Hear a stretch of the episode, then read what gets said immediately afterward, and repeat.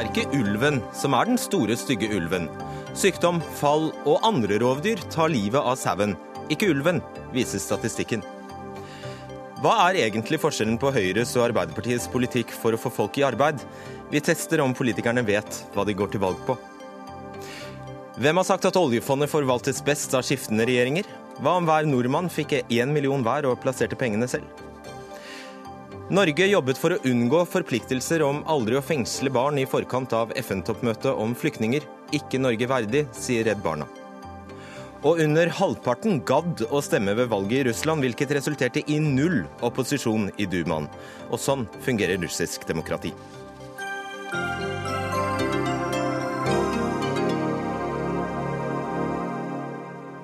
Vi ønsker velkommen til en ny uke med Dagsnytt 18. Mitt navn er Fredrik Solvang. Et sted mellom to og to og en halv millioner sau og lam beiter i Norge, ifølge Landbruksdirektoratet og Nortura. Og hvert år dør om lag 100 000 sau og lam, men kun 1700 tas ifølge offisiell statistikk av ulven. Så hvorfor skal vi drepe 47 ulv, og hvorfor dreier hele debatten seg om ulven når det er eh, sykdom, fall fra fjellskrenter, hjelpeløs motorikk og elendig flokkinstinkt som tar livet av de aller, aller fleste sauene? Alv Ottar Folkestad, du er leder i Norsk eh, Villsaulag. Eh, hvis sauen ikke tas av ulven, hva er det da som tar livet av så mange sau i året? 100 000? Det som, eh, det som, vi kjenner i på, eh, på, Vestlandet, det er jo at eh, sykdom av forskjellige slag, sykdom, parasitter, tar veldig, veldig stor del av, av, det som er totaltapet. Og, og, det som ofte blir, blir oppfatta som, som, vanskelige tale og vanskelige tap, at de, en finner lite igjen av dyra. Og, og en del av sykdommene er, er, jo slik at dyra gjemmer seg vekk, sånn at det blir vanskelig, vanskelig å finne dem budsjettet med allveld og med, med flugelarveangrep og sånt som, eh, som, slår til. Men i andre sammenhenger så, så er det også dette her med ja, Det kan være mineralsvikt det kan, eh, og, og, og derav sviktende kondisjon på hvis du ikke har Eh, god nok tilgang på mineralnæring på, på beite og mm. sånn, sånne ting som også slår ut, ser, viser seg. Du er altså leder for Norsk Villsaulag. Eh, hvordan skiller villsauen seg fra den vanlige norske sauen, altså det vi kaller norsk hvitsau? Nei, det er vel eh, Hvitsau er jo en eh, foredla, høyt foredla eh, sauerase, eller blandingsrase er det vel egentlig. Eh, og der siktemålet er kvantumsproduksjon. Det, det, er ikke noe å, å, å Eh, stikke under stol det. Og, og kvantumsproduksjon må, må, til. Men, eh, men eh, disse her primitive sauerasene, som, som gammelnorsk sau eller det som populærnavnet villsau, den, den, har bevart veldig mye av de opprinnelige egenskapene, altså sine instinkt, også når det gjelder forsvarsinstinkt, og når det gjelder instinkter til å kunne livnære seg på et, på et for så vidt både magert, men veldig variert uh, næringsgrunnlag. I motsetning da til uh, hvitsauen, som du hevder har så dårlig motorikk at den f.eks. ikke klarer å komme seg opp hvis den faller på sida? Ja, det, er, det, har vist seg at, uh, at hvitsauen er utsatt for dette her med ryggvelt, og, og også i noen tilfeller så, så, så, klarer ikke å komme seg opp fra, fra sideliggende. Og, og, og det, det, er jo dette her med Eh, tyngda, altså størrelse og tyngda som, som, slår ut på den måten der at det, det går utover bevegelse og, og, og, det å evne å ta seg fram ute i et uh, mer eller mindre ulendt og, og uryddig landskap. Mm.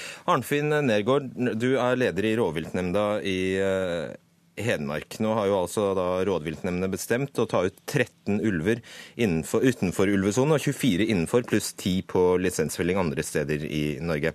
Bestrider du at kun 1683 sau ble tatt av ulv i fjor? Det er vanskelig å bestride det, men eh, jeg har òg erfaring for at eh, det antall som blir tatt og som opererer i statistikker, er de som da er dokumentert eller antatt tatt. Og så vet vi òg at det er veldig, det er en relativt liten prosent eh, som blir attfunnet, og de som, eh, som blir til igjen, de regner ca. 30% Har f.eks. et eh, fra Rendalen i sommer. Der hadde de nå funnet at 170 dokumentert tatt av jerv. Mens det regnes med at eh, mellom 400 og 500 er det siste jeg har fått opplyst fra Rendalen i dag, eh, er det som faktisk tas. Mm. Men likevel lite i forhold til de 100 000 sauene som altså dør i året. Så denne jakta er jo å skyte spurv med kanoner. Før jeg går videre på det, så, så, må jeg jo si at det finnes jo andre rovdyr. Og det er jo jerven som har vært den store trusselen mot uh, mot eh, sau frem til nå. Og så har bjørn tatt en god del, og så er det noe til gaupe. Men noe dør òg på bete. Og så tror jeg nok kanskje, som Folkestad sa, at sykdom parasitter eh, er mer utbredt på Vestlandet enn det er f.eks. i det området jeg kommer fra, i Østerdalen, der det opereres med et eh, før før eh, rovvilta kom tilbake i, naturen oppi her, så operertes det med et normaltap på en halv til 1% Men de offisielle tallene, siden du, for, siden du, forholder deg til Hedmark, de offisielle tallene viser der altså at kun var 646 eh, sauer som ble tapt til eh, ulv, men av de eh, 100 000 sauene og lammene som ble sluppet ut på beite i Hedmark eh, i fjor. Ja. 6000 ble meldt tapt. Og så vet vi at eh, den eh, statistikken der den har gått veldig opp og ned fra år til annet når det gjelder, når det gjelder ulv. Men så vil jeg også si da at eh, når det kommer massiv kritikk mot rovviltnemndas vedtak om å ta ut ulv, så har vi vedtatt at vi skal ta ut tre familiegrupper. Og så er det sagt et tak på åtte i hver gruppe. Men bare som et eksempel så vil jeg nevne at det ene av de revirene vi tar ut, der står det i den tabellen vi har, Kynnareviret, to ulver der. Men i, i saksutredning så er det satt et tak på åtte. Men er det bare to der, så tas det ut to. Skjønner. Ja, Einar Frogner, du er styremedlem og ansvarlig for rovdyrpolitikk i Norges Bondelag. Hvis man regner om her, eh, disse tallene til prosent, så er det snakk om at 1,6% av alle sauer som blir borte, dør i løpet av eh, Eller 1,6% av alle sauer som dør eller blir borte i løpet av et år, blir tatt av, eh, av ulv. Det store problemet er, som det blir påpekt her av Nergård, helt andre ting enn ulv. Ja, nå mener jeg at dette her er å bruke statistikk på en veldig spesiell måte det er at normaltap i enhver populasjon, dyr på beite, som det er blant folk, så skjer sykdommer, skjer ulykker. Vi blir skadet, vi dør, vi òg. Det skjer òg i ethvert husdyrhold. Det som er spesielt, hadde vi da spredd skaden av rådyr jevnt over hele Norge, så ville vi økt normaltapet fra 3-3,5 til kanskje 4. Men det som er det spesielle her, er at der ulven slår, så slår den så til de grader. Han slår nesten med fotet. Nergård nevnte eksempelet Rendalen, der 25-30 av den slepte sauen i år er antatt tapt til ulv. Og Statistikken skjuler jo òg det fakta at i Hedmark, som har hatt ulvesone i mange år, så er store områder tømt for beitedyr pga. ulvens herjinger gjennom lang tid. Altså utmark som ligger brakk, som ikke brukes til beitebruk og matproduksjon. Men tallene er jo tallene 646 uh, sauer som tapte til ulv i Hedmark. Ja, men for de bønder det gjelder, for de bygder det gjelder, så er det altødeleggende. Og den bonden som har gått og lett etter beitedyra sine, som ser livsgrunnlaget ødelagt, så hjelper det ikke at det er 1,6% i snitt når han eller hun taper en tredjedel av sitt livsgrunnlag. Det, det er en dyretragedie, og det er en menneskelig tragedie. Siri Martinsen, du er leder i uh, dyrevernorganisasjonen i uh, NOAH. Uh, I Hedmark i 2006 sto ulven for en, under 1% av all skadeerstatning for rovdyr. I 2015 var det tallet steget til 30 når tallene stiger så dramatisk, så kaller jo det også på, ekstra, på tiltak. Eh, det gjør det, men det bør kalle på tiltak som ikke går ut over naturlig fauna, som ikke forutsetter at enkelte av de ville dyrene som Norge har ansvar for, skal konstant holdes på rødlista, i ulvens tilfelle, som kritisk truet. Jeg syns det er veldig bra at vi nå får eh, representant for, eh, for en liten del av næringen som kommer frem og sier at ærlig talt så er ikke dyrevelferden ivaretatt for de sauene man slipper går ut på beite av helt andre grunner enn rovdyr. Det er en viktig nyansering av debatten. NOAH har veldig lenge eh, prøvd å sette fokus på det, fordi eh, det er mange dyr. altså 100 000 dyr er veldig mange dyr. Og når 2 av totaltapet eh, kan ledes tilbake til ulv, 20% rovdyr generelt, men 80% til årsaker som ikke har noen ting med rovdyr å gjøre, ja, da må vi begynne å snakke om de 80 -ene. Men hvis vi skal snakke om, om dyrene, da, så setter du ett dyr foran et annet? Absolutt ikke, det er jo det jeg sier. Jeg syns at man setter uh, sauen på et nivå hvor den har veldig lav status, når det eneste man er opptatt av, er de 20% som er tatt av rovdyr. Resten er såkalt normaltap. Det føles nok ikke så normalt for sauen å ligge med et brukket bein i en grøft og ikke ha tilsyn som da kan lege den skaden. Det er ikke normalt. Det er ikke god dyrevelferd. Frogner, dere har altså avlet fram eh, hjelpeløse sauer? Det tror jeg er helt galt. Vi ser at i Hordaland så er normaltapet vel 2% I Hedmark så var det i som Erik sa i stad, under halv prosent før rovdyra ble gjeninnført. Og det er klart det, Siri Martinsen, at enhver sauebonde seriøs avl på sau i Norge har som fokus å få ned skadetallet. Men et visst normaltap det vil du, som jeg sa i stad, ha. Men vi er selvsagt opptatt av å få det mest mulig ned. Forskjellen på normaltapet, som er ganske jevnt fordelt, og rovdyrtapet, er at rovdyrtapet står så enormt der det slår.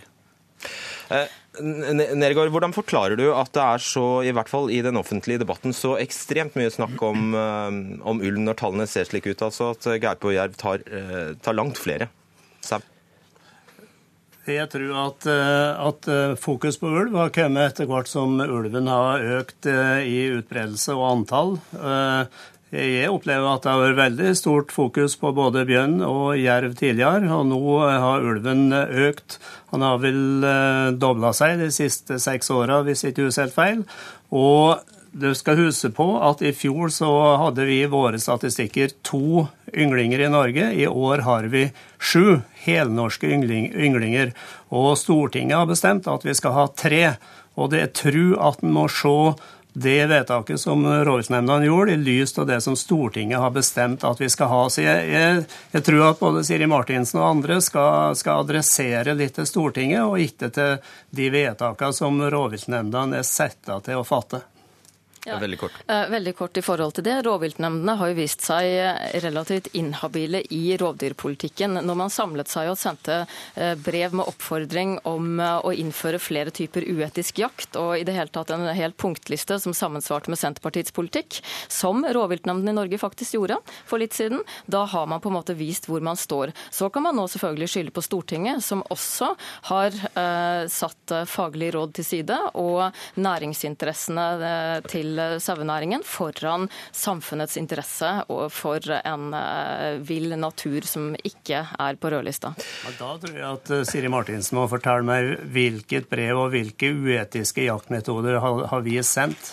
Ja, det kan jeg gjøre. Eh, det, tror, ja, jeg, det, jeg det kan jeg gjøre. Ja, det kan du gjøre, men vi tar det en annen gang. Fordi okay. nå, nå, skal vi snakke om at det er faktisk altfor mange sauer og lam i Norge nå. På fire år har det blitt en kvart million flere sauer og lam, og innen året er omme vil det legges 2000 tonn lammekjøtt på lager, skriver Nasjonen i dag. Prognosene viser om lag samme overproduksjon eh, neste år. Einar Frogner, hvordan kan dette skje? Jo, dette her skjer for at det var for lite sauekjøtt. Så ble det satt inn stimuli for at vi skulle produsere mer. Og sauebonden er en dyktig bonde. Sauebonden, eh, han og hun, tar da grep og produserer mer sau. Det er så enkelt. Og jeg oppfatter at det er et lite overskudd nå, det er temporært. Og nå sier altså eh, Nortura at det er på tide å stanse denne massive utbyggingen av store sauefjøs. Så det vil dere gjøre nå? Ja, Det er naturlig at du legger det litt på is til vi får forbruket opp på det nivået vi produserer. For målet er jo å produsere mest mulig mat på norske ressurser, og da er det å produsere mer sauekjøtt. Miljøvennlig og veldig god måte å produsere mat i Norge på. Ja. Folkestad, Alvotar Folkestad, lam året rundt og to år gammel sau til fårikål er konsekvensen av dette overskuddet. Er det, er det noe problem? I utgangspunktet så må jeg tilstå at jeg har litt grann, eh, problem med å, med å se dette her i, i, en sånn sammenheng. Det som, det som uh, Ja, der, der, der hopa seg opp et, et, et, overskudd i fjor. Men hvis en hadde lagt an politikken litt, altså det, slakteripolitikken litt annerledes i løpet av året, så, så ville ikke vi hatt den og, og satte med det, det, det restlageret da på tampen av sesongen, fordi at det var underdekning av lam i, eh, i starten av sesongen i fjor. I år, i år har det vært fokusert på en helt annen måte, slik at i år så, har en fylt opp eh, til nå iallfall en fylt opp, og kanskje ser at det, nå begynner å bli må, må legge på, på frys. Men, men, det er en del av omsetningspolitikken da, som, som slår ut også i dette her med muligheten for å få få det, eh, omsette dette her i markedet til rett tid. Uh, og der har man, har man, skjønt at det er ikke så veldig mange virkemidler igjen Nortura som markedsregulator har. Martinsen, er det 50 000 flere sau skal vi få neste år? Er det et problem? Mm, ja, det er klart det er et problem. Du snakker om markedsregulatorer. En av de tingene næringen forventer av politikere og forventer av matkjedene, er jo at man skal øke salget. Altså øke salget av det kjøttet man tjener på å selge. Det er egentlig en helt horribel situasjon. Det er ganske mange grunner til at folk dropper kjøttet. Det er klimagrunner, og der er ikke sauekjøtt eh, spesielt eh, positivt. Det er dyrevelferdsgrunner, og der er heller ikke sauekjøtt spesielt positivt. Som vi har hørt her. I tillegg har man innefòringstiden, hvor de står i trange binger. Man har andre miljøhensyn, hvorav faktisk tap av biologisk mangfold, fortrenging av ville arter, slik vi nettopp ser i konflikten mellom sauenæringen og ulv. Det er også en veldig viktig grunn til at folk faktisk dropper å spise dette kjøttet, og erstatter det med grønnere matvarer som plantebasert mat. Da skal jo ikke mm, altså, politikere og næring drive og trykke kjøttet på forbrukerne når de viser at de ikke ønsker dette. Ja, Frogner, vi vil jo ikke ha kjøtt, da. Jeg tror nok det at noe særlig grønnere kjøtt enn et lam som har gått å beite på godt norsk utmarksbeite, grønnere kjøtt enn det, det finner du ikke. Ja, men det er ja, men jo feil. Altså, det er jo direkte feil. 2000, 2000 tonn på, på, lager tilsier jo at vi, vi orker ikke å spise alt dette lammekjøttet. Ja, men det er snakk om å spise litt mer, mer kjøtt. Ja, nettopp. Og det trenger vi ikke. Av klimahensyn, dyrevelferdshensyn og av hensyn til de ville dyrene og biomangfoldet må vi spise mindre kjøtt og erstatte det med plantebasert mat som er reelt eh, miljø- og dyrevennlig. Takk skal dere ha, Alv Ottar Folkestad, leder i Norsk Viltsauglag, Einar eh, Frogner i Bondelaget, Arnfinn Nergård i Rovviltnemnda i Hedmark og Siri Martinsen i NOA. Dagsnytt 18 alle hverdager klokka 18.00 på NRK P2 og NRK2.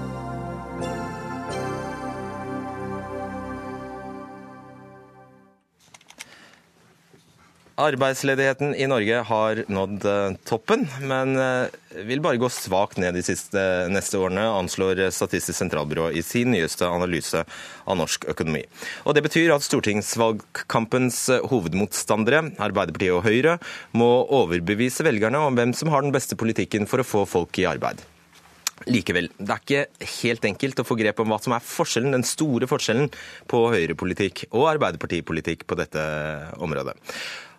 Arve Kambe, leder av arbeids- og sosialkomiteen på Stortinget for Høyre. I morges var du i Politisk kvarter her i NRK og debatterte mot eh, NHOs Kristin Skogen Lund. og Der forsvarte du at 29 000 unge får arbeidsavklaringspenger i stedet for at bedriftene får lønnstilskudd. Forklar så enkelt du kan. Hva er forskjellen på Høyres arbeidslivspolitikk og fra Arbeiderpartiets? Først må jeg arrestere deg litt. Eh, jeg var enig med NHO om at flere skal ha lønnstilskudd. Det jobber regjeringen for. Ja, men poenget er at noen Nei, det var ikke det viktigste, men det må ikke bli det etterlatte inntrykket. fordi at eh, det at NHOs forslag om å fjerne arbeidsavklaringspenger for 130 år, det rammer de aller sykeste, de svakeste. Og da er de nærmere en uføretrygd enn arbeidsavklaring. Okay. Eh, så det er det. Men når det, gjelder, når det gjelder arbeidslivspolitikk generelt sett, eh, så tenker jeg at for regjeringen så er det viktig å ha lav arbeidsledighet. Det er viktig å ha en god dialog med partene i arbeidslivet. Eh, det har vi. Det, forskjellen det gjelder f.eks arbeidsmiljølov, eh, hvor Høyre har gått i bresjen for å modernisere den nye arbeidsmiljøloven, sånn at eh, flere kan jobbe når de selv ønsker. Eh, vi har gjort det sånn f.eks. at vi har en diskusjon pågående i arbeidsmiljøloven om hvor lenge kan ansatte få ha oppsigelsesvern i arbeidsmiljøloven. Altså, Vi ønsker at folk skal få jobbe lenger, til 72 år. Det var Arbeiderpartiet imot. Så Arbeiderpartiet kommer til å gå til valg på at det skal bli enklere å si opp eldre arbeidstakere i norsk arbeidsliv. Ok, du skal få for den. Dag Terje Andersen, fraksjonsleder for Arbeiderpartiet i arbeids- og sosialkomiteen på Stortinget. Hva mener du, hva er de største forskjellene? Jeg mener det her området er et av dem som virkelig er tydelig politisk forskjell, og kanskje tydeligere enn på, på veldig lenge. For det at Høyre nå sitter i regjering sammen med Fremskrittspartiet, og tidligere har sittet i regjering sammen med eh, mellompartiene. Forskjellene er mange. På arbeidslivspolitikken så handler det for oss om å være mer aktive i forhold til når en ser ledigheten kommer til å øke. Eh, det er første gangen eh, under denne regjering at en har faktisk opplevd at de f.eks. kutter i arbeidsmarkedstiltak, at de svekker permitteringsreglene når arbeidsledigheten begynner å gå opp. Det er jo helt uhørt og aldri skjedd før, heller under tidligere borgerlig eh, regjering her, så er vi for en mye mer aktiv og målretta næringspolitikk. Og så er vi for å bruke mer penger på kommunene i de periodene der det er liten aktivitet. Og alt det her, hvis jeg skal sette kroner og øre på det, årets statsbudsjett så var forskjellen på 7 milliarder eh, kroner. Okay. Sånn vil dere, ønsker dere å framstille det. Eh, nå skal vi gjøre noe moro. Dagsnytt 18 presenterer Høyre eller Arbeiderpartiet. For nå skal vi eh, teste om det faktisk er slik at Høyres og Arbeiderpartiets arbeidspolitikk eh, er så forskjellig. Her må vi altså først presisere at det foreligger jo ikke noe utkast til partiprogram fra dere i Arbeiderpartiet ennå. Så um, Arbeiderpartipolitikken vi nå tester, er plukket fra tiltakspakken mot arbeidsledighet og alternativt statsbudsjett for 2016. Utsagn nummer én det skal lønne seg å jobbe, Arve Kambe. Høyre. Ja, det kan begge, to, det kan begge to ha sagt, det. Det mener, tror jeg begge partiene mener. Vi ja, mener i hvert fall. Lurespørsmål, det var begge. Vi vil fremme nye tiltak for å hindre sosial dumping og uthuling av vår modell. Kambe?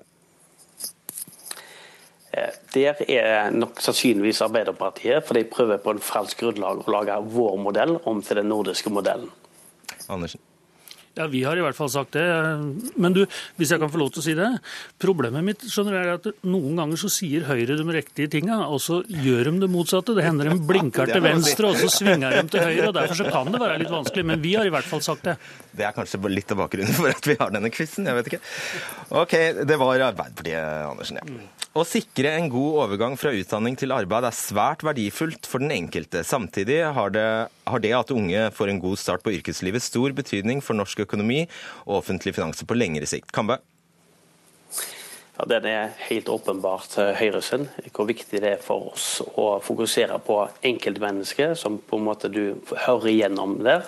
At For oss er det viktig å legge til rette for både bedriftene, men enkelte ansatte og det enkelte individ gjennom god utdanning kan bidra til å skape resultater for seg selv og sine omgivelser. Beklager, det var arbeiderpartist. men det var godt sagt. Kanskje vi kopierer den. Nettopp. Skal vi lykkes med å nå målsettingen om arbeid til alle, er det avgjørende å ha bedrifter i et næringsliv som driver lønnsomt og har vekst i hele landet, Andersen? Det kan godt hende det står i Høyres program. Jeg vet at jeg sa det veldig mange ganger da jeg var næringsminister, og jeg sier det veldig ofte nå. Men som programformulering så kan det være begge to. Jeg tipper nå at det der det var Høyres, kanskje? Det var din. Ja, men det er kanskje bare en floskel, da, siden eh, den er så intet, såpass intetsigende at den nei, kan stå begge steder? Nei, men det, si, det, er noe Arbeiderpartiet bestandig har vært opptatt av, det er å skape og dele. Og det, eh, Når jeg nå driver med arbeidsmarkedspolitikk i arbeids- og sosialkomiteen, så sier jeg nesten hver gang jeg holder foredrag eller snakker om det, at den aller viktigste arbeidsmarkedspolitikken, det er næringspolitikken som får de alminnelige arbeidsplassene til å fungere og leve, leve godt. Så det mener jeg veldig sterkt. Ja, Begge mener det, da. Ja, det tror jeg begge mener. Ja. Ok, Neste. Det skal lønne seg å jobbe. Vi vil legge til rette for at enda flere går ut i arbeid. Kambe?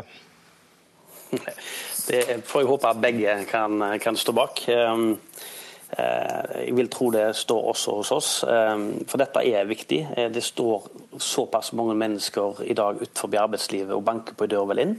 Den økte ledigheten har gjort at de nå står lenger utover arbeidslivet eh, enn de gjorde for et par år siden. Da burde du ha skrevet det inn i, inn i eget program. Det står ja, i Arbeiderpartiet. Ja. ja. da, men, men det, det samme problemstillingen er opptatt i vårt programutkast nå. og den, Det er en av våre viktigste oppgaver. Mm, ganske likt. Ok, Opprette 2000 flere tiltaksplasser. Andersen? Ja, Det står i vårt alternative budsjett. Kambe? Står det i ditt? Det, stå, det, står det i dine budsjetter? Det var noen forslag i regjeringas budsjett, men vi hadde altså 2000 utover det. Mm. Enig i det, Kambe? Det spørs hva, du, hva, du, hva, hva budsjett og revidert du har. fordi at Høyre har hatt en rekke økninger i tiltaksplassene. Både på lønnstilskudd, eh, og ikke minst på ordinære bedrifter. For oss så handler dette om å få, få tiltaksplasser nok, som det er nok av. Eh, om det var 2000 som Arbeiderpartiet overbød oss, det bryr ikke vi oss så mye om. Så jeg, jeg er usikker på hva det var. Det var Arbeiderpartiet. Ja. Ok. Arbeidet for å redusere omfanget av ufrivillig deltid, Andersen? Det står i vårt uh, program. Kambe? Det står også i vårt program. Stemmer det. Så er, her er det helt enig. og det er, ingen, eh, det er ukontroversielt. Det er vel derfor det står der. Jo, men altså, det, det, Jeg får håpe vi kan komme til det. For én ting er jo hva folk sier. Eh, og Ta f.eks. det med deltid. da. Eh, vi hadde et eget prosjekt på å sette i gang tiltak for å redusere ufrivillig deltid. Eh, I det første eller det andre budsjettet som Høyre-Fremskrittsparti-regjeringa la fram, så kutta de det prosjektet kutta det ut.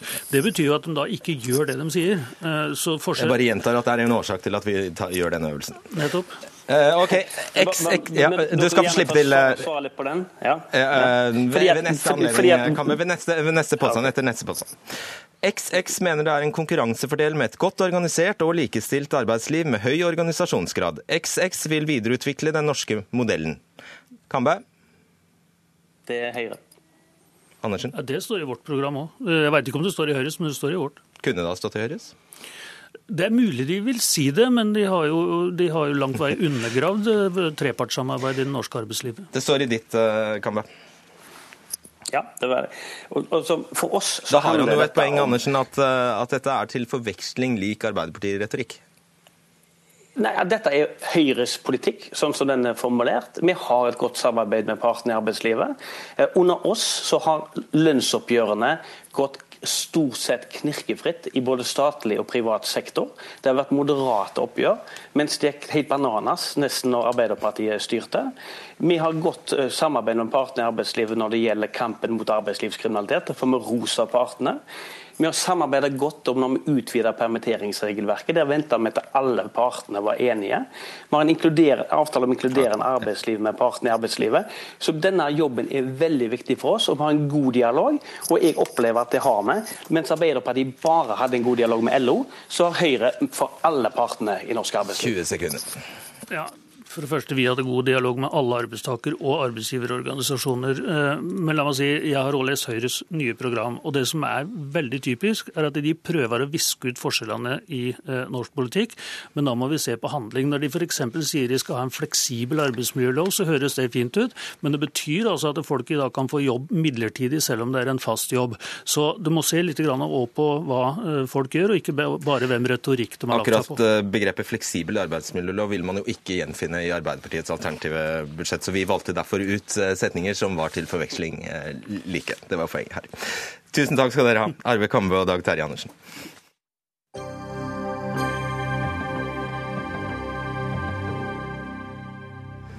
Hvem har sagt at eh, politikere som skal gjenvelges hvert fjerde år, er de beste til å forvalte vår felles enorme oljeformue gjennom statsbudsjettene?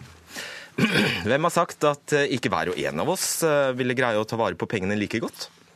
1 million kroner ekstra utbetalt fra staten til alle norske statsborgere over fire år. Det er sånn om lag 4,6 millioner av oss. Ja, Det er forslaget som ble lagt på bordet i en kronikk på NRK Ytring før helgen. Og dersom ikke de politiske partiene vil følge opp, er det på tide med et nytt parti, mener du Kjell Høybråten, strategikonsulent og samfunnsdebattant. Konkret, hva er det du vil?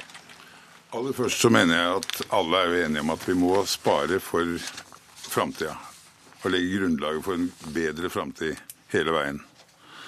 Men så er spørsmålet er det beste måten å, å sikre framtida, er det å, å holde all, alle eggene i én kurv. Og Min oppfatning er at nå er fondet vokst så kraftig i det siste at det er altfor stor gambling å ha alt i én kurv. Framtida må sikres på flere måter. Det første er jo da forsvar, hvor jeg da foreslår at én bit går til forsvar. Én bit går til skole og undervisning. 250 milliarder til hver av de. Og resten? Og, rest, og resten blir liggende i fondet, og så går det da over fire år ut 250 000 til hver norsk statsborger i fire termer. Som til sammen gir om lag en million eh, til hver og en av oss? Ja, som gir en million over fire år i neste periode. Ok, Er, er du gal? Ja. Det er jeg, men jeg er ikke mer gal enn at jeg vet at jeg har en veldig tillit til det norske folket, som er veldig flink til å ta vare på penger. Og jeg liker å spre risiko. Jeg tror den beste måten å spre risikoen på, det er å slippe til alle sammen. Ja. Gunnar Eskeland, professor i samfunnsøkonomi ved Norges eh, handelshøyskole i, eh, som ligger i Bergen. Hva syns du om dette forslaget? Jo, jeg syns det er morsomt at det reises en del spørsmål, jeg. Eh, jeg syns vi har hatt en god debatt i Norge som eh, Høybråten refererer til, nemlig om hva vi skal spare, og at det er viktig at vi sparer når vi tapper ut en eh, tømbar ressurs. Men vi har faktisk ikke diskutert hvem er det som skal spare disse pengene. Og jeg synes jo, når vi har tillatt oss å kalle det for et pensjonsfond, så er det nærmest et kupp. For vi kaller det et pensjonsfond, men det er ikke et pensjonsfond. Disse pengene er nå på en sjekkonto som disponeres av den til enhver tid sittende statsminister. Og jeg tror kanskje at det er litt Ja, det er unødvendig tøft å kalle det for et pensjonsfond, for det er det ikke. Uh, så uh, helt uh, det er selvfølgelig, de står jo Innvendingene står selvfølgelig i, i kø her, men hviler Hviler dette egentlig, altså Koker det ned til spørsmålet om hvem forvalter disse pengene eh, best? Politikere som skal gjenvelges hvert fjerde år, eller hver enkelt, hver familie, hver, hver og en av oss? Nei, jeg tror det er, det er, mye som taler for at dette skal forvaltes i, eh, i, store bolker.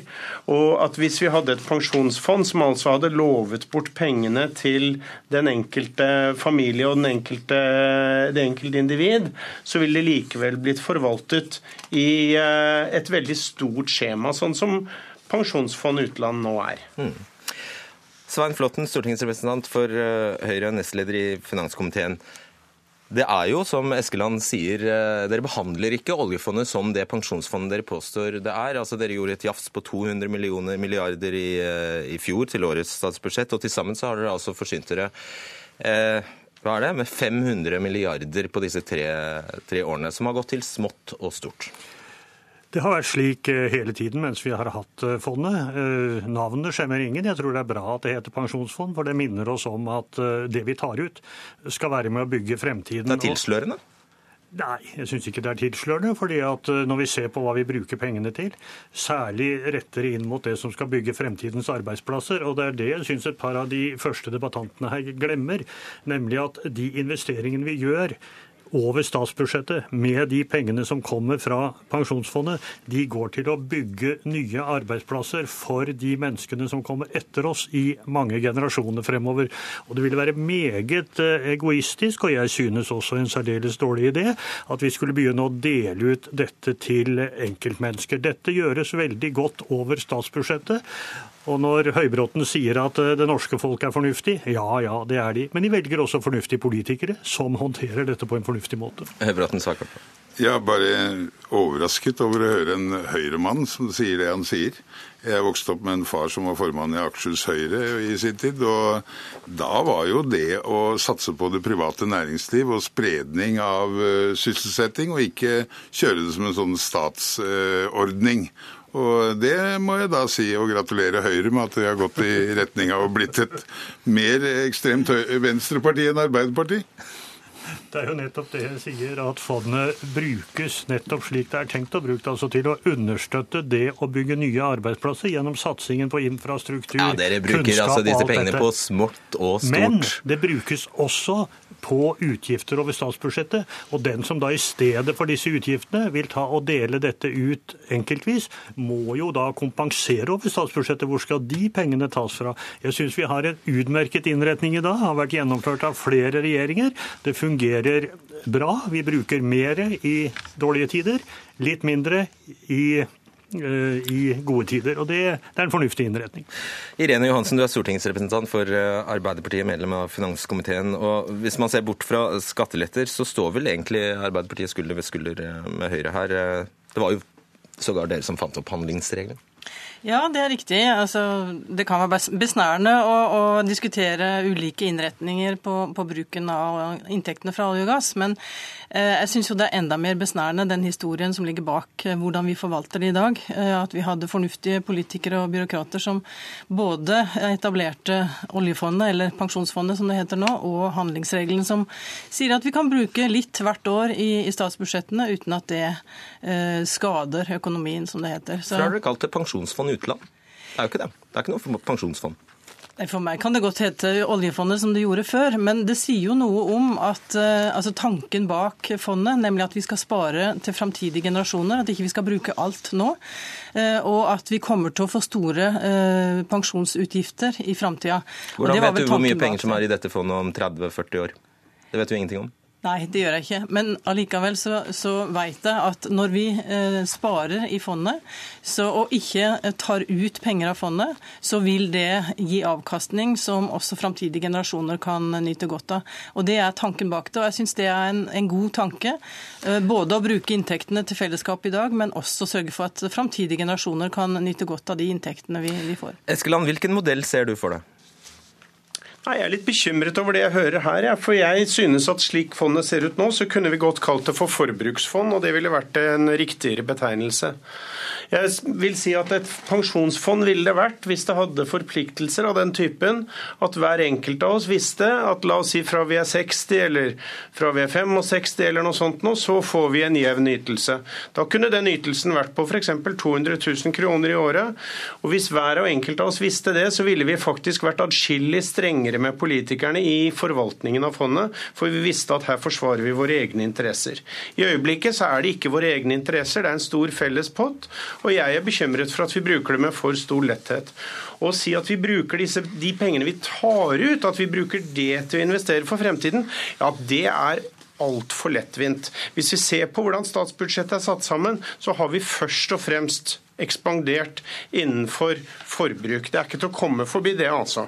Hvis vi hadde hatt en fremtidig ytelse sånn som dette, så kunne vi faktisk gjort arbeidsmarkedet mer effektivt. For da ville vi sluppet å belaste de svakeste i arbeidsmarkedet med såpass mye av en arbeidsgiveravgift f.eks., som i dag er der for å bygge opp en sånn fremtidig reserve. Så vi kunne faktisk fått et mer effektivt Norge hvis vi hadde gjort det på den måten jeg sier. Ok, flott. Jeg tror det er avsporing å diskutere hva dette skal hete. Jeg tror tvert imot at det er disiplinerende for politikerne at dette heter Pensjonsfondet. Og så til dette som Eskeland sier om at eh, ikke dette går med til å bygge fremtidens arbeidsplasser. Det gjør jo også, fordi at veldig mye mye penger går jo inn i grunnlagsinvesteringer for å greie å skape nye arbeidsplasser. Og hvis det er noe den kommende generasjon og generasjonen etter der trenger, så er det jo arbeidsplasser. Det er jo det som kommer til å skape den fremtidige velferden. Og derfor er det veldig viktig at vi bruker fondet på denne måten. Så det bærer navnet sitt veldig med rette, og det disiplinerer samtidig politikerne. Høybråten, det er jo noen få generasjoner i en gullalder da, som vil nyte godt av disse ressursene som har blitt til i løpet av millioner av år, fryktelig egoistisk? Nei, fordi hvis du snakker om fremtidige generasjoner, så snakker du jo også om de som lever nå. De er foreldre, besteforeldre og fremtidige oldeforeldre og i det hele tatt til de kommende generasjoner. Som kan sitte fast i luksusfellen og sløse bort penger? Jo, du kan kalle det luksusfellen, men nå er det sånn at det norske folk er rimelig kloke i behandlingen av penger. Og Når det gjelder da fattigdomsproblemet, som diskuteres veldig høyt nå, så vil jo dette redusere pågangen på Nav dramatisk når det gjelder sosialstønad, bl.a. Fordi 250 000 i året gjør at eh, masse mennesker får en sjanse til å starte på nytt, komme opp. Det er mange som sliter med Fordi de vil kunne kjøpe seg bolig, f.eks.? Ja, at eh, folk kan slutte å, noen kan slutte å leie og kjøpe. Det vil ikke presse boligprisene, som noen tror. Fordi, Hvorfor ikke? Nei, fordi det er mengden som skal bo, kontra okay. uh, Men helt til slutt. Altså, fondet i et veldig veldig forsiktig estimat, så vil fondet etter alle disse utbetalingene, også de to andre fondene, som jeg sier, så vil du være tilbake på sånn 2008-2009-nivå. Så du tapper ikke hele fondet? Nei, nei, overhodet ikke. Fondet vil jo fortsette, og dette tappes over tid. Så det er ikke sånn at det flommer ut penger. Men det blir som i Alaska, og det blir som i Alberta. At folk får penger ut jevnt og trutt. Uh, Irene Johansen, det, det, stemmer uh, faktisk. I Alaska på 60-tallet så de begynte de å dele ut oljeformuen til uh, folk flest. For så vidt har de i Skien gjort noe uten sammenligning for øvrig. De har altså gitt penger i 2006 og ga ga de hver husstand 1000 eh, kroner hver i aksjeutbytte fra kommunens aksjeutbytte fra Skagerrak Energi. Jeg sier bare dette her for, eh, for å uh, understreke at selve tanken om at hver familie, hvert individ, kan forvalte pengene like godt som en stat eller en kommune, den også den, den, er politikere innom iblant. Mm, ja, det har jeg sett det.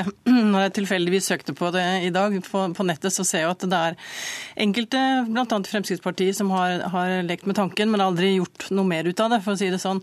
Altså, som, som jeg sa i stad, eh, vi har eh, behov i, i, eh, vårt samfunn i forhold til å investere i veier, i helse, i barnehager, skole osv. Og, og jeg må si at eh, når vi har sånne inntekter fra en felles ressurs som olje og gass, så syns jeg det er riktig å bruke de eh, inntektene vi får fra det, også til fellesskapets beste.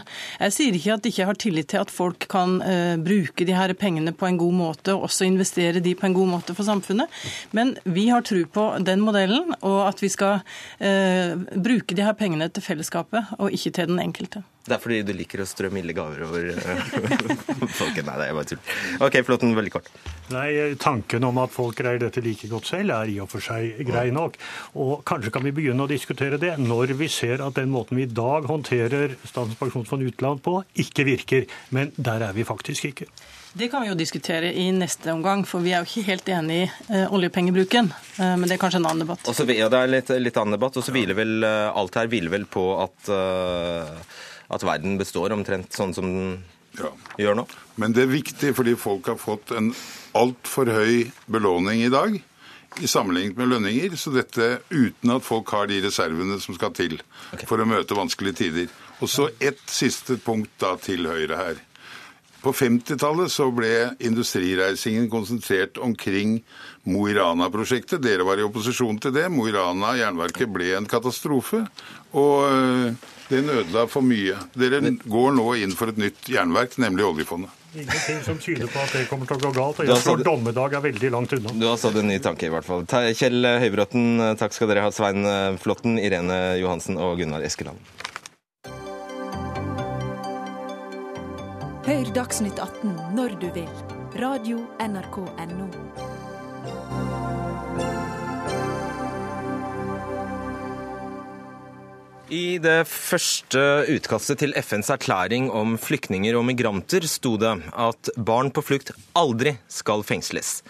I den endelige erklæringen, som skal vedtas når FN-landene møtes i dag, faktisk i New York, står det at fengsling av barn sjelden eller aldri er til det beste for barnet, men at det kan brukes som en siste utvei. Og gjett hvem som jobbet for å forandre den teksten? Jo, Norge, sammen med Canada og Japan, avslører Aftenposten i dag. Vidar Brein Karlsen, statssekretær i Justis- og beredskapsdepartementet for eh, Fremskrittspartiet. Hvorfor var det så viktig for Norge å få endret denne teksten?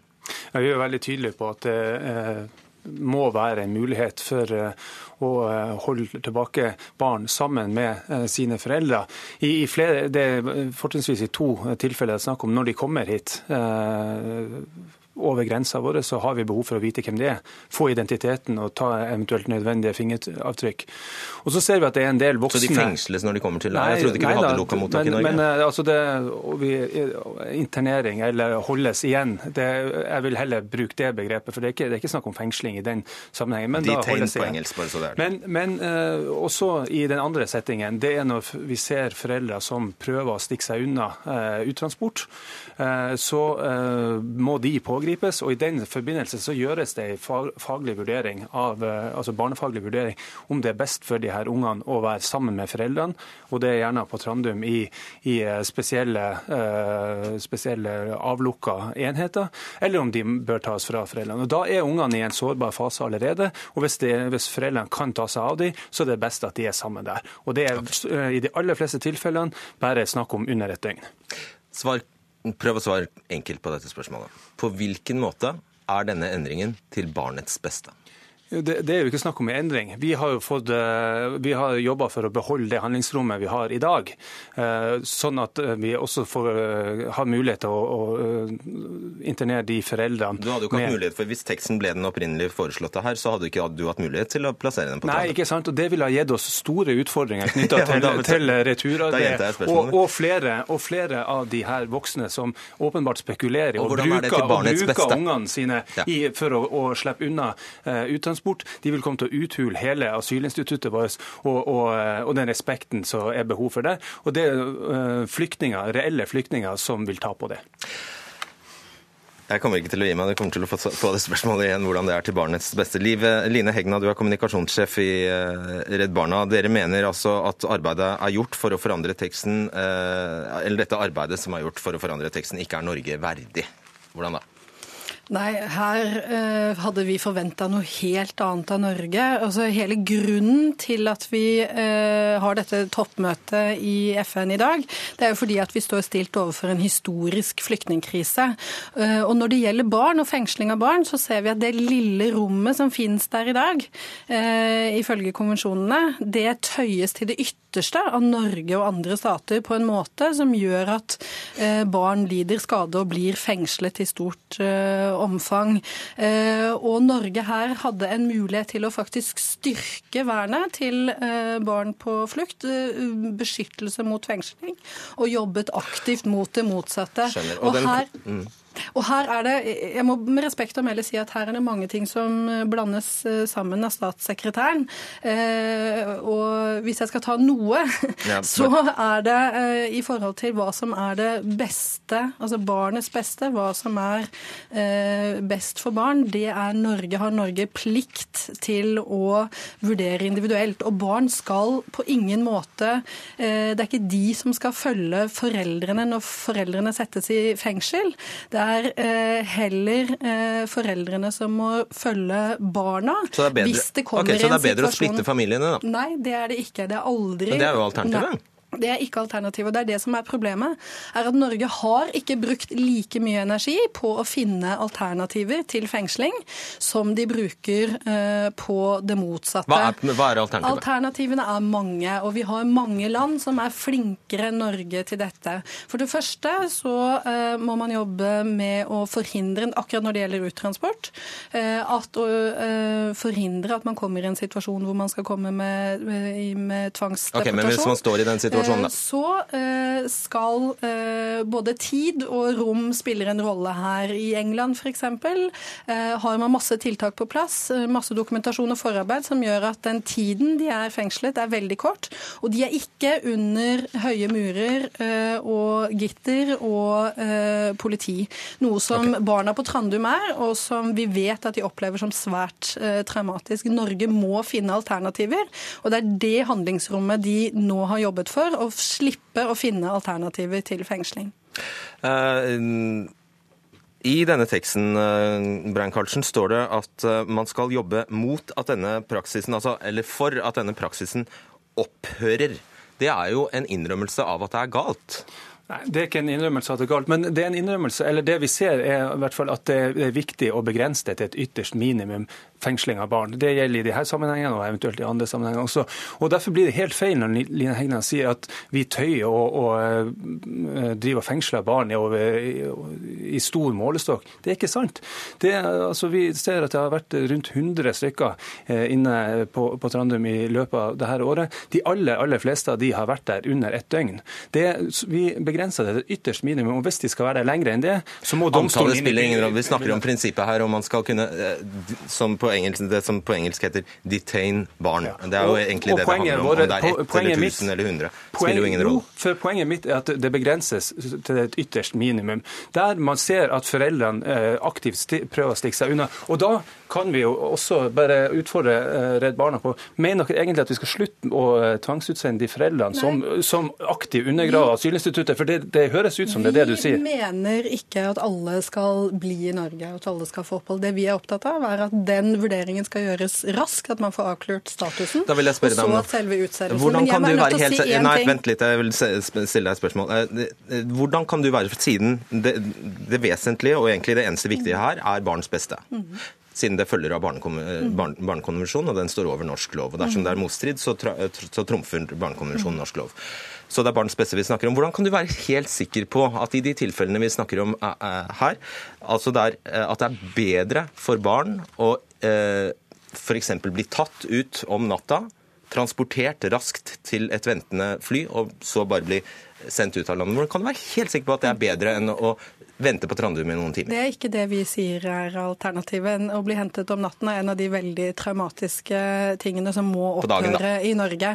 Eh, eh, og eh, det å bli sendt ut er alltid traumatisk for et barn, men det er veldig mye man kan gjøre som Norge ikke gjør i dag for å forhindre det. Og så må jeg også si at statssekretæren her viser at han ikke forstår at Norge, det som det handler om her, er Norges rolle på en internasjonal arena som FN. Dette handler ikke om antallet barn som har blitt utsatt for denne behandlingen i Norge. Dette handler om internasjonale standarder og det kollektive ansvaret som man gjennom FN tar for å svare på en av vår tids eh, største kriser. Ok, eh, Vi har faktisk også med oss eh, Maja Janmur, du er postdoktor ved Det juridiske fakultet ved Universitetet i Bergen og skriver i Aftenposten i dag at dette møtet er over allerede før det har begynt. Hva mener du med det?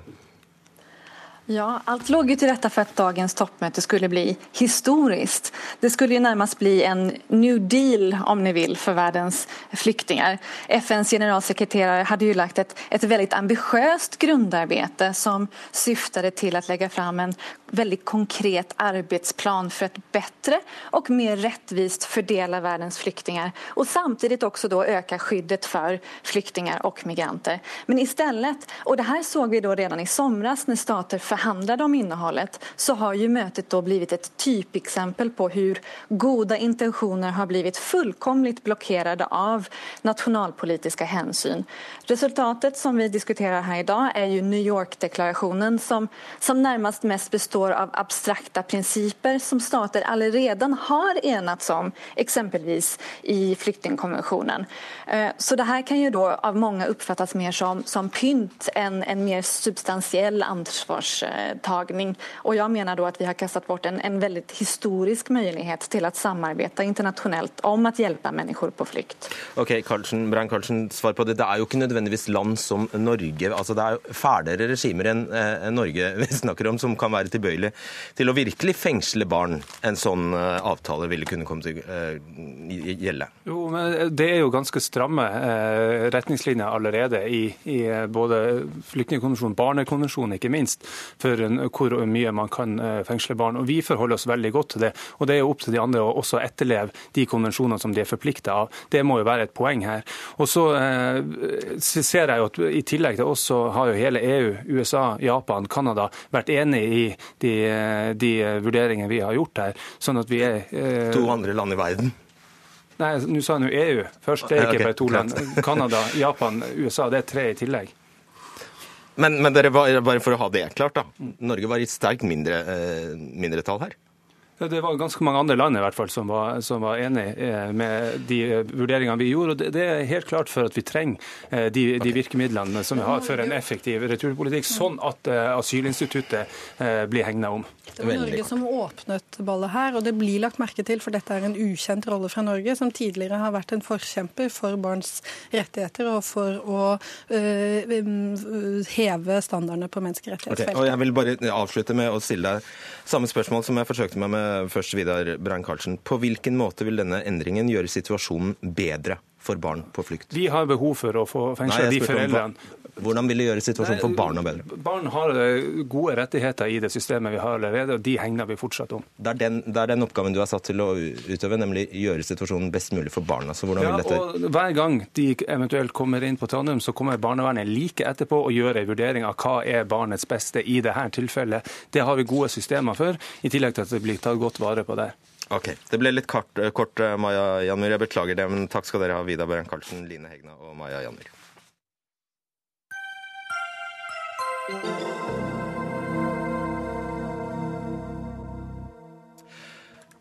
Vladimir Putin tok en klar seier i gårsdagens valg. Hans parti Forente Russland fikk over halvparten av stemmene og har fått om lag 75% av representantene i Russlands parlament. Og Da er det ikke akkurat sånn at resten består av opposisjonen heller.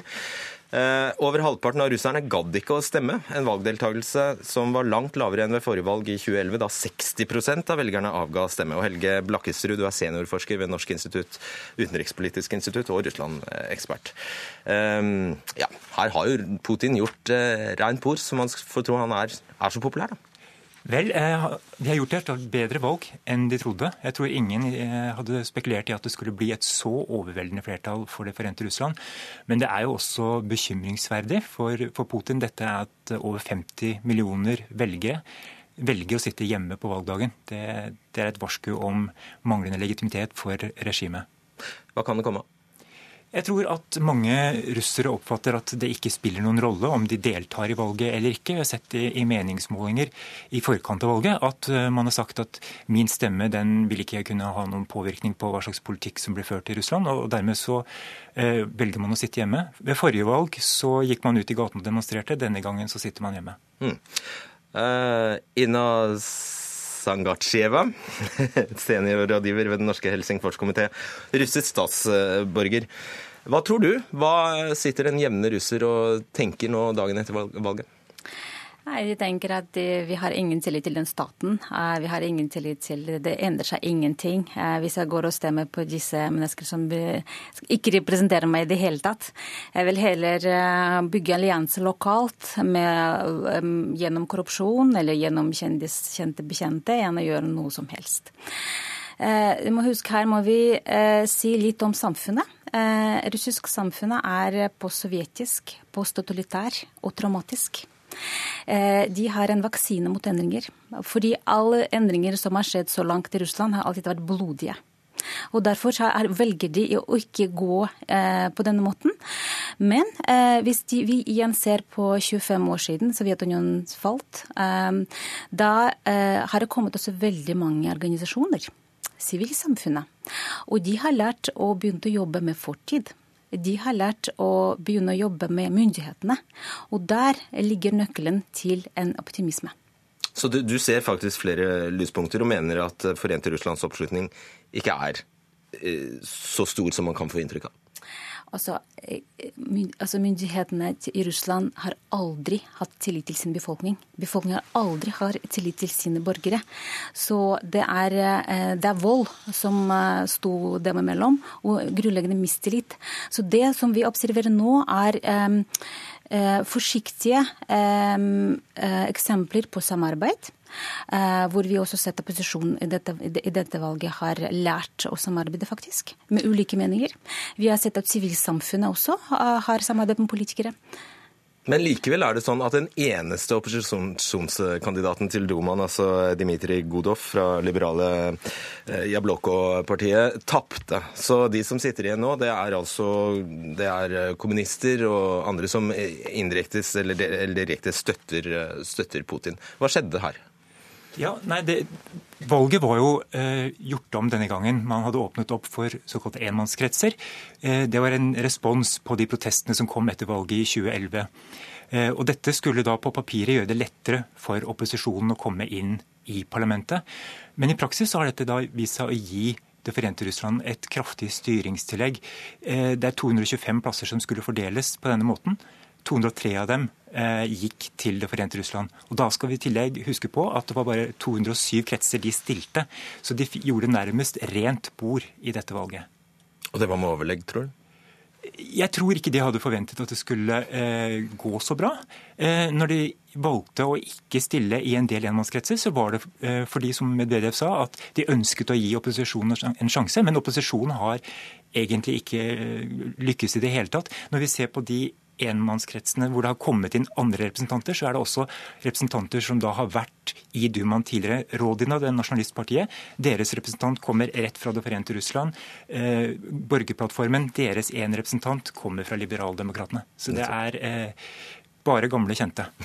Eh, men det har nok vært eh, regissert på forhånd. Altså Man har rett og slett etter eh, det som man har lært fra ballotene, demonstrasjonene i 2011-2012, her myndighetene ble jo redde for sin egen befolkning og har betydelig endret lover. Begrenset mulighet for å observere valg, bl.a. Valgloven også blitt endret. Ja, det er positivt, og jeg er enig, dette må jeg si lyspunkt. Men, men likevel, når en som bestemmer alle reglene og bestemmer over dato for valget, så er det ikke så lett for opposisjonen å komme fram. Nettopp. For han endret jo da han framskyndet valget, Putin. Ja. Takk skal dere, Det var det vi rakk i, rakk i, denne omgang. Takk skal dere ha, Helge Blakkestrud og Inna Sangatsieva. Denne dagsnyttsendingen er over. Det var Ida Tune Øresland som hadde ansvaret. Lisbeth Seldreite var i teknikken, og jeg heter Fredrik Solvang.